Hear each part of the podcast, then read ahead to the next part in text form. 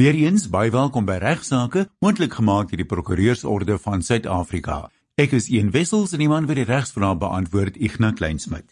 Baie van ons dink sekerlik dat dagga is eintlik magaga en die vraag word dikwels gevra om te dagga of nie te dagga nie, want dit is 'n bekende feit dat dagga vir privaat gebruik wettig verklaar is tot die skok van baie van ons uh, luisteraars in 'n 2018 grondwetlike hofuitspraak Maar wat presies behels hierdie uitspraak en hoe word dit nou in praktyk toegepas? Want in die minister uh, van Justisie en Grondwetlike Ontwikkeling en ander teen Prins het die konstitusionele hof die private besit en kultivering van dagga, groei van dagga deur volwasse persone as wettig verklaar. En uh, as gevolg daarvan is dit nou nie meer 'n kriminele oortreding in volgens artikel 4 van die Wet op dwelmmiddels en smokkelary nie, is in 1992 wet nie want hierdie artikel het bepaal dat dit onwettig was om dagga te gebruik of in jou private besit te hê maar die hof het uh, in hierdie saak artikel 14 van die grondwet oorweeg wat handel oor 'n persoon se reg op privaatheid en hierdie artikel maak ook voorsiening daarvoor dat 'n individu sy lewe kan lei met minimale tot geen inmenging deur die staat nie. Dis belangrik dus uh, luisteraars om in gedagte te hou dat daar geen beperking op artikel 14 in gevolge die algemene beperkingsklausule dis artikel 36 van die grondwet is nie. In gevolge artikel 36 mag regte soos vervat in die handves van regte beperk word slegs deur die wet van algemene toepassing solank die beperking billik en regverdigbaar is in 'n oop en demokratiese samelewing wat gebaseer is op menswaardigheid, gelykheid en vryheid. In hierdie hofsaak het uh, die toe adjunk hoofregter Raymond Zondo verder klem gelê op die individu se reg tot privaatheid en juis daarom het die hof geen twyfel gehad in die bevinding dat die verbod op besit, gebruik of kultivering van dagga deur 'n volwasse versye van persoonlike gebruik inkonsekwent is met artikel 14 van die grondwet.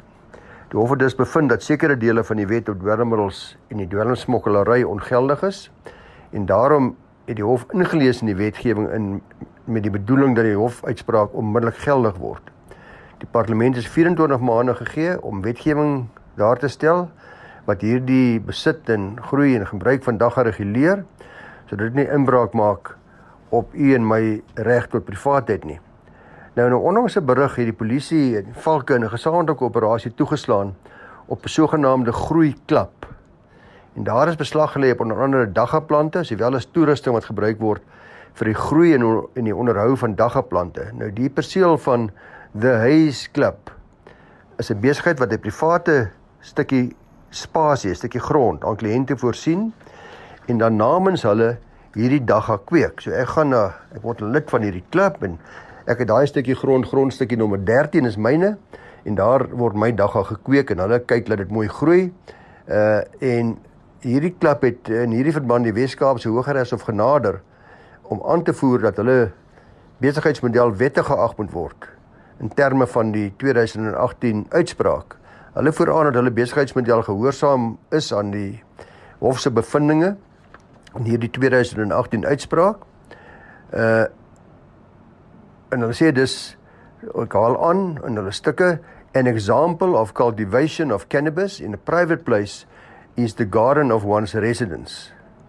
Dan lees dit verder egter It may or may not be that it can also be grown inside an enclosure or a room under certain circumstances.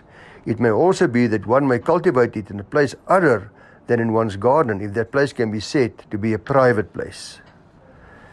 Nou, hulle het kennisgewings by die hof geleaseer die The Haze Club wat aandui dat hulle van voorneme is om aansoek te doen dat hulle besigheidsmodel wettig is en in lyn is met die hofbeslissing aan die alternatief dat dele van die wet oor dwelmmiddels en dwelmsmokkelry wat betrekking het uh tot volwassenes se gebruik van 'n klap soos hierdie groeiklap ongrondwetlik verklaar word. Die applikant is 'n persoon met die naam van Neil Little. Hy beweer in sy verklaring dat die onwettige verklaring van die klap baie mense se regte gaan beperk ten opsigte van hulle reg om dagga wettiglik te groei soos wat die grondwet uh, en die konstitusionele hof voorsien. Hy voer byvoorbeeld aan dat baie mense in woonstelblokke bly. Dis is dit nie vir hulle moontlik om 'n tuin te hê om dagga te kweek nie en hierdie klap maak dan net voorsiening daarvoor dat sulke mense nou ook 'n stukkie grond by hulle kan kry waar daardie persoon se dagga gegroei word. Sy ander argument is dat die klap keer dat laaggraadse dagga die uh, in die handel en wandel beskikbaar gemaak word en verder sê hy ook dat die klap skep werksgeleenthede. Nou hy voer aan dat elke lid se dagga plant op 'n toep, 'n app gemonitor word om om 'n uh, tred te hou met wie se plant is watter kliëntsin. Hy beklemtoon ook dat daar geen intensie is, bedoeling is om die wet te oortree nie en dat die klap se doel is absoluut om binne die perke van die bestaande wetgewing en die hofuitspraak op te tree. Hoe dit ook al sy luisteraars, daar is tot dusver nog geen wetgewing in Suid-Afrika wat die bestaan van sulke groeiklaps reguleer nie. Uh al wat hierdie aansoek nou nou doen en ek sal die behoogte hou van verwikkeling in hierdie verband, is dit maak dit duidelik dat daar 'n nood is vir verdere ontwikkeling ten opsigte van 'n interpretasie van privaatheid vir die regulering besit en die kweek van dagga. Ek het kennis geneem van nog 'n hofsaak wat net weer eens luisteraars vir alle honde eienaars opnuut moet waarsku om asseblief tog behoorlike beheer oor hul honde uit te oefen. En die feite van hierdie saak Saaksnaam is van Meyeren versus Kloete wat onlangs gerapporteer is. Was kortliks dat terwyl meneer Kloete op 'n uitstappie was, het hy verby meneer van Veyeren se huis geloop op pad winkel toe. En met die wat hy verby die huis gestap het, het meneer van Meyeren se drie basterhonde die Kloete aangeval. Nou die aanval was blykbaar baie erg, soveel so dat bystanders, dis nou die bure van meneer van Meyeren, geglo dat meneer Kloete is oorlede. En uh, almal het hom te hulp gesnel en as gevolg van die aanval moes meneer Toete se linkerarm toe geamputeer word. Dis egter nie duidelik hoe die honde uit die erf gekom het om meneer Toete aan te val nie, want meneer Vermeyeren het aangevoer dat 'n uh, derde party die hek oopgelos het. Nou die aksie het ter sprake is die Actio de Paupery en die Actio de Paupery is 'n eis teen die eienaar van 'n makdier waar die dier skade aan 'n ander persoon of 'n ander dier of 'n ander eiendom aangerig het deur teen sy natuur op te tree, contra naturam sui generis op te tree. Die groot latynse woord beteken maar net dat die dier in 'n teenoorgestelde manier anders opgetree het as wat 'n goed gemanierde dier van dieselfde soort in dieselfde situasie sou optree. Nou terug by die saak en hierdie beslissing het regter Wallis gesê dat die beginsel van die aksie is dat die eienaar van 'n dier wat 'n persoon aanval wat regmatig is op die plek waar hy aangeval is, soos hierdie persoon wat doodeenvoudig onskuldig in die straat loop en wat ook nie die aanval uitgelok het nie, hy het nie die honde getart of enige iets nie of ook nie sy eie nalatigheid die aanval veroorsaak het nie. Hy was nie 'n betreder gewees op die erf of enige iets nie. Dat so eienaar van 'n die dier aanspreeklik is vir die skade wat uit die dier se gedrag voorspruit. Let wel, dis is dus 'n skuldlose aanspreeklikheid.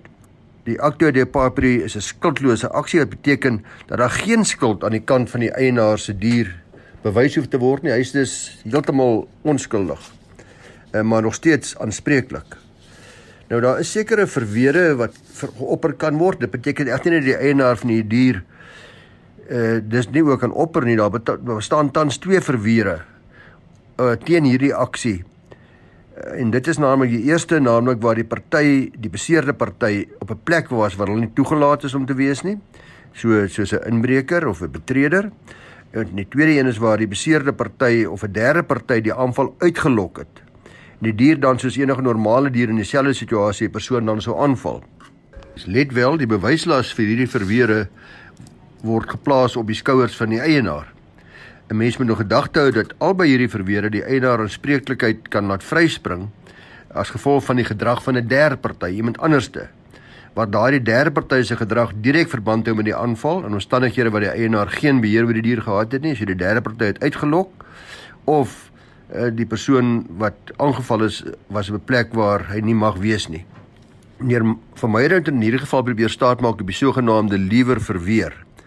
In Liewer versus Purdy in 1993 appel hofsaak het meneer Liewer sy hond in die besit van meneer Cowan gelos terwyl hy op oorsese reis was. En gedurende daardie tyd wat die hond in meneer Koun se besit was, het hy onder andere meneer Purdy gevra om asseblief met sy TV satellietskorrel toe kom help en uh, voor meneer Purdy nog daar aangekom het, het hy versoek dat die hond na 'n ander geslote area geskuif moet word. Maar met sy aankoms het meneer Purdy opgemerk dat die hond nie soos hy gevra het geskuif moet word nie en as gevolg daarvan het die hond toe meneer Purdy aangeval.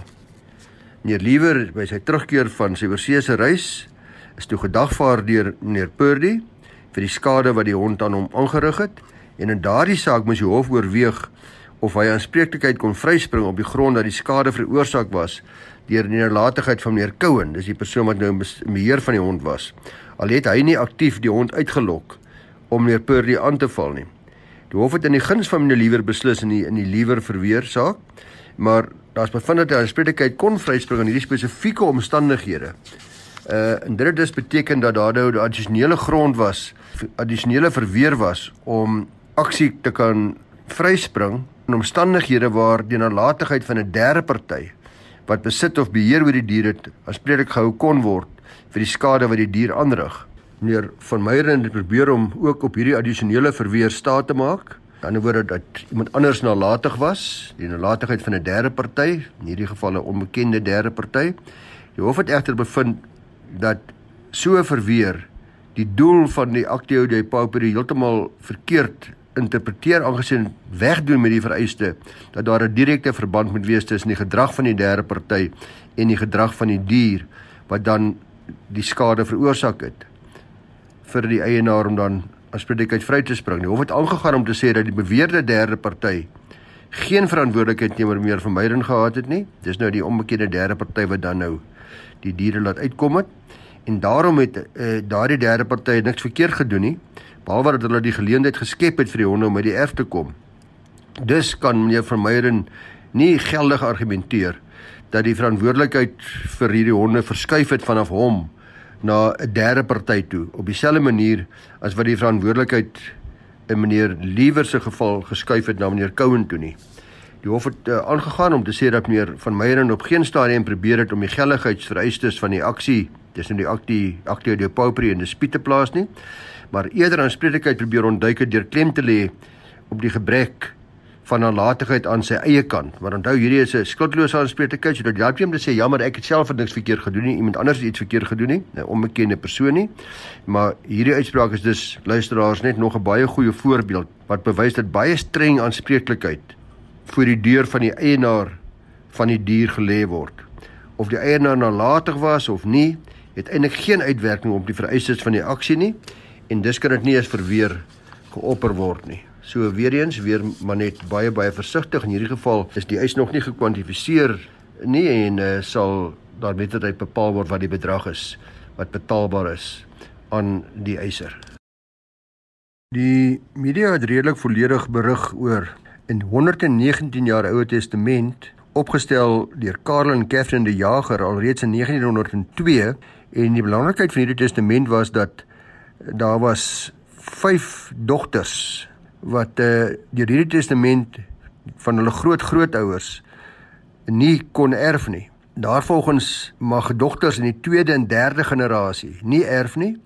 En onder hierdie erfgoed was daar nogal waardevolle eiendomme as ek so na die media gekyk het en ook na die hofsaak. Ek het vir uh Johannes Olivier gevra om bietjie ook die hofsaak te gaan lees self om te kyk of die beriggewing korrek is. En die die jagers het 4 seuns en 2 dogters gehad. En dan van die seuns het weer 3 seuns gehad en ander het weer kinders gehad klein seuns ensovoorts.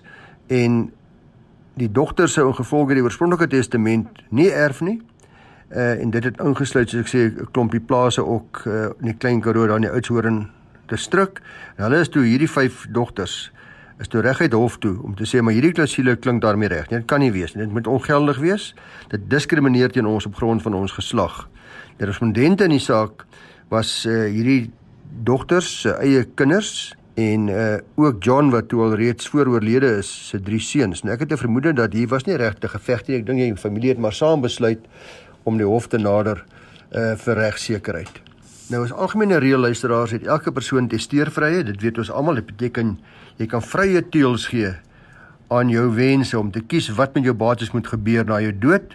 Dit kan beperk word in sekere omstandighede vir soos byvoorbeeld wanneer 'n testamentêre bemaking contra bonus mores is. Met ander woorde teen die regsoortuigings van die gemeenskap of teen openbare beleid. Het al met hierdie sulke sake bespreek. Ek sien daar's nou weer 'n saak in Minister of Education versus Cyfred Trust Limited het die hof byvoorbeeld besluit dat 'n testamentêre trust wat 'n doel het om net studiebeurse aan blanke nie Joodse mannelike studente te gee teen die openbare beleid was. Maar wat van 'n geval waar 'n oupa nou soos in hierdie geval 'n fideikommissium in sy testament skep wat bepaal dat sy plaas net aan sy seuns en daarna sy kleinseuns ensovoorts sal vererf. Hierdie klousules was algemeen gebruik in die verlede. Dit het 'n doel gehad om te sorg dat die plaas in die familie se naam bly en nie by die skoonfamilie opeindig nie. En natuurlik nou die vraag is of so bemaking nog steeds vandag geldig en afdwingbaar behoort te wees. Veral gesien in die lig daarvan dat artikel 9 van ons grondwet baie uitdruklik bepaal dat daarteen niemand gediskrimineer mag word op grond van geslag nie. Vir die luisteraars wat nie presies weet eh, wat 'n fideikommissium is nie, dit bestaan wanneer 'n bemaking in 'n testament bepaal dat 'n sekere bate aan 'n begunstigde sal gaan daarna na 'n volgende begunstigde moet toeval. Met ander woorde, wanneer die eerste begunstigde sterf, dan gaan die bate oor aan die volgende begunstigde. My seun erf op voorwaarde dat wanneer hy sterf, gaan dit aan die kleinseun toe. In 2017 nogal het die Wes-Kaap se Hogeregshof in die saak van King en ander versus die Jager en ander besluit dat so 'n fideikommissium wat net manlike afstammelinge as erfgename aanstel, wel afdwingbaar is. Die hof het 'n belangeopweging gedoen in daardie geval tussen die erflater se reg op testeervryheid en die vroulike afstammeling se reg om nie teen gediskrimineer te word op grond van hulle geslag nie. Die hof was in daardie geval van mening dat die diskriminasie net in die private sfeer plaasgevind het, deurdat dit vroulike afstammelinge van die erflaters geraak het en nie die algemene publiek nie. Dit is nie dis diskriminasie teen vrouens in die algemeen nie, maar die wens van hierdie spesifieke uh testateur. Gevolglik was die hof van mening dat so 'n bepaling nie teen openbare beleid kan wees nie dat die erflater se reg op testeervryheid swaarder weeg as die afstammeling se reg om teen gediskrimineer te word. Nou die appelle van Bloemfontein in die saak wat ek nou uh, bespreek met almal die saak van die testament van die die jagers het die aansoek in November 2018 van die hand gewys en geen redes verskaf nie. Uh die dogters het nie daar gelaat gelaat nie en hulle toe na die grondwetlike hof toe geappeleer en hierdie saak is op 11de Februarie hierdie jaar aangehoor. Die respondente het aangevoer dat die grondwet strek nie terugwaarts, het nie terugwerkende krag om stappe van destyds ongeldig te verklaar nie. Die hof het egter bevind dit gaan hier oor die erflating van Calvin wat in 2015 dood is en nie oor die opstel van die bepalinge van die 2000 van die 19, 1902 testament nie.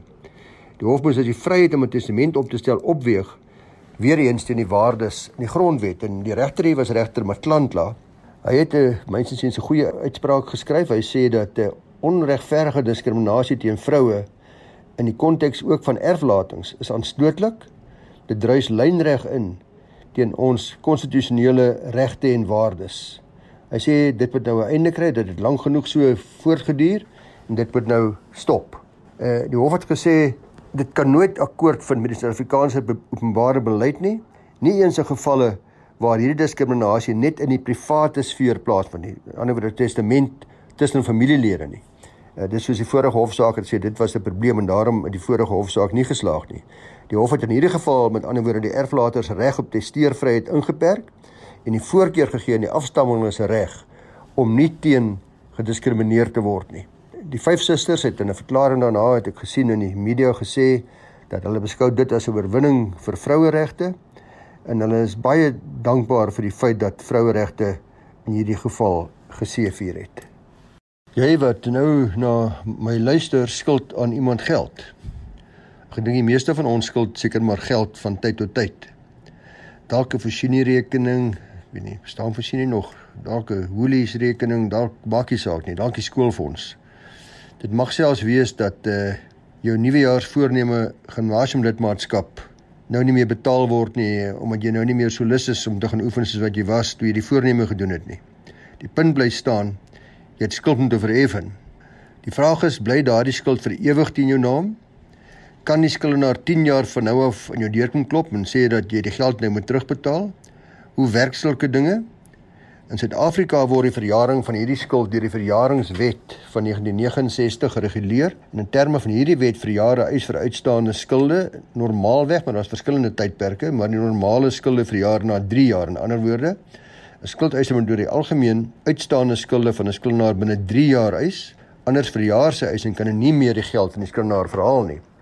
Nou die eerste vraag in hierdie opsig is gewoonlik wanneer begin hierdie termyn nou loop? Nou gevolg artikel 12 se artikel 1 van die wet begin die verjaringstermyn loop sodra die skuld opeisbaar is. In hierdie opsig word die skuld geag op eisbaar te wees sodra die skuldeiser van die skuld te wete kom. In ander woorde, dit is binne sy kennis en hy weet ook wie die identiteit van die skuldenaar is en die feite waaruit die skuld ontstaan het. Die gewone ding, ek weet ek skuld geld, ek moet aan die einde van die maand betaal het, ek het dit nie betaal nie. Ek weet waar is die winkel, ek weet waar ek moet betaal. Betaal dit dood eenvoudig nie. Die dag vir betaling het reeds aangebreek, so die skuld het reeds ontstaan en verjaring het begin loop. 'n Belangrike vraag en dit is wat ek eintlik nou vandag met die luisteraars wil bespreek is of hierdie verjaringstermyn gestuit kan word. En indien wel, hoe word dit gestuit? Uh net eers voor ek daarmee voortgaan net sê dat ek het nou gepraat van die 3 jaar termyn vir gewone skulde. Daar's ook ander termyne op sekere dokumente van toepassing en op sekere tipe eisoorsake wat ek nie nou met u in detail gaan behandel nie. Maar kan dit gestuit word? Daar was 'n baie belangrike saak in hierdie jaar gerapporteer, naamlik Investec Bank beperk teen R436 Elandspoort Eienaarsbeperk en ander Die feite van hierdie saak was kortliks as volg: Investec het 'n lening aan R436 Eranspoort gemaak en wou dit nou vorder. Uh en R436 maatskappy het toe sekuriteit vir hierdie lening en het die hele verband te gunste van Investec geregistreer. Dit was ten opsigte van 'n kommersiële huurbyeenkoms in terme waarvan die maatskappy die huurders was. Die Suid-Afrikaanse Spoor Pendelkoöperasie was die verhuurders. In terme van die leningsooreenkoms sou Investec of die volle uitstaande leningsbedrag kon opeis of hulle plek as huurders kon inneem indien uh, die maatskappy R436 nie hulle verpligtinge nagekom het nie. Nou die maatskappy het wel hulle verpligtinge versuim en op 10 September 2002 al het Investec besluit om te vereis dat R436 binne 7 dae die volle skuldbedrag moet vereffen. So die skuld was eintlik op eisbaar alreeds gewees vanaf 17 September 2002 en dit verjaring dus begin loop. Dis nou al 19 jaar gelede amper. Toe dit blyk dat die R436 nou nie hierdie bedrag kon betaal het nie, het Investec besluit om 'n alternatief soos wat die reëling was, uh as huurders in die plek van die maatskappy in te tree. Dit was gedoen onderhewig dan aan die ooreenkoms dat R436 se eiendom namens Investec sou onderverhuur en dan die huurgeld aan die Westex se oorbetaal en maandeliks paemente wat dan sou afgaan teen die skuldbedrag. In 2003 het die partye die ooreenkoms gewysig, maar bepaal dat die Westex self die eiendom nou sou bestuur en selfs die huurgeld sou insamel. Uh en op hierdie stadium het die partye ook tot die verstandhouding gekom dat die Westex sou poog om hulle regte in die eiendom te verkoop. En daai gelde sou dan ook aangewend word om die maatskappy se skuld te vereffen. In Junie 2009 is Investec se regte in die eiendom verkoop en die winste soos per die ooreenkoms is aan R436 se uitstaande skuld toegeken. Dit is dit het die skuld verminder. Nietemin het Investec in Januarie 2011 voortgegaan om hierdie maatskappy te dagvaar vir die volle uitstaande balans van die skuld wat op daardie stadium amper 4 miljoen rand beloop het. In reaksie hierop het die maatskappy en hulle borgers spesiale pleit van verjaring geopper, gesê dat nee, wag 'n bietjie. Die verjaringstermyn het volgens hulle in September al begin loop van 2002 en die eis het dus reeds in September 2005 vir 'n jaar. Goed, aanvanklik is uh, hierdie eis gehandhaaf deur die Hooggeregshof, maar Investec het geappeleer. Hulle appel was gegrond op die feit dat artikel 14 van die verjaringswet voorsiening maak vir die stuiting van die verjaringstermyn waar daar 'n uitdruklike of stilswygende erkenning van 'n spreeklikheid deur die skuldenaar was. Dit was dus Investec se argument dat die ooreenkomste soos tussen hulle en R436 aangegaan is en die bepalinge en die betalings wat dien ooreenkomstig namens of vanaf die maatskappy ontvang is elke keer die verjaring gestuit het. Aan die ander kant dit is elke keer 'n erkenning van aanspreeklikheid. En na ondersoek het die Hoogste Hof van Appel tot dieselfde gevolgtrekking gekom, so die hof aanvaar dat elkeen van die volgende handelinge op skulderkennings neergekom het wat die verjaringstermyn gestuit het. Dis eerstens die betaling deur die erfmaatskappy uh tydens die tydperk wat die eiendom oorverhuur is. Verskillende briewe wat die direkteure aan die Westek gerig het wat uitdruklik sê ons skuld nog nie geld en sekere reëlings bevestig het en dan ook huurgeld wat aangewend is vir die vermindering van die eisbedrag, uh die koopprys vir die regte wat ook op daardie rekening afgegaan het. So in gevolgtrekking luisteraars bevestig hierdie hofuitspraak maar net dat jy moenie altyd staat maak dat 'n eis na 3 jaar verjaar nie of wat ook nog geleef verjaringstermyn mag wees afhangende van die eisoorsaak nie, maar dat verjaring deur 'n skulderkenning. Elke keer wanneer u 'n betaling maak en daardeur die skuld erken of elke keer wanneer u 'n briefie skryf en sê man, ek kan nie nou betaal nie, ek sal probeer kyk of ek volgende jaar kan betaal of wat ek nogal, dan word verjaring gestuit. En dan begin verjaring van vooraf loop. As die skuldenaar sy skuld erken of deur 'n betaling aan die skuldeiser te maak of bloot uitdruklik of stilswygend die skuld erken. Dis al vir vandag. Sluit asseblief volgende maandag 11:30 weer by ons aan vir regsaake.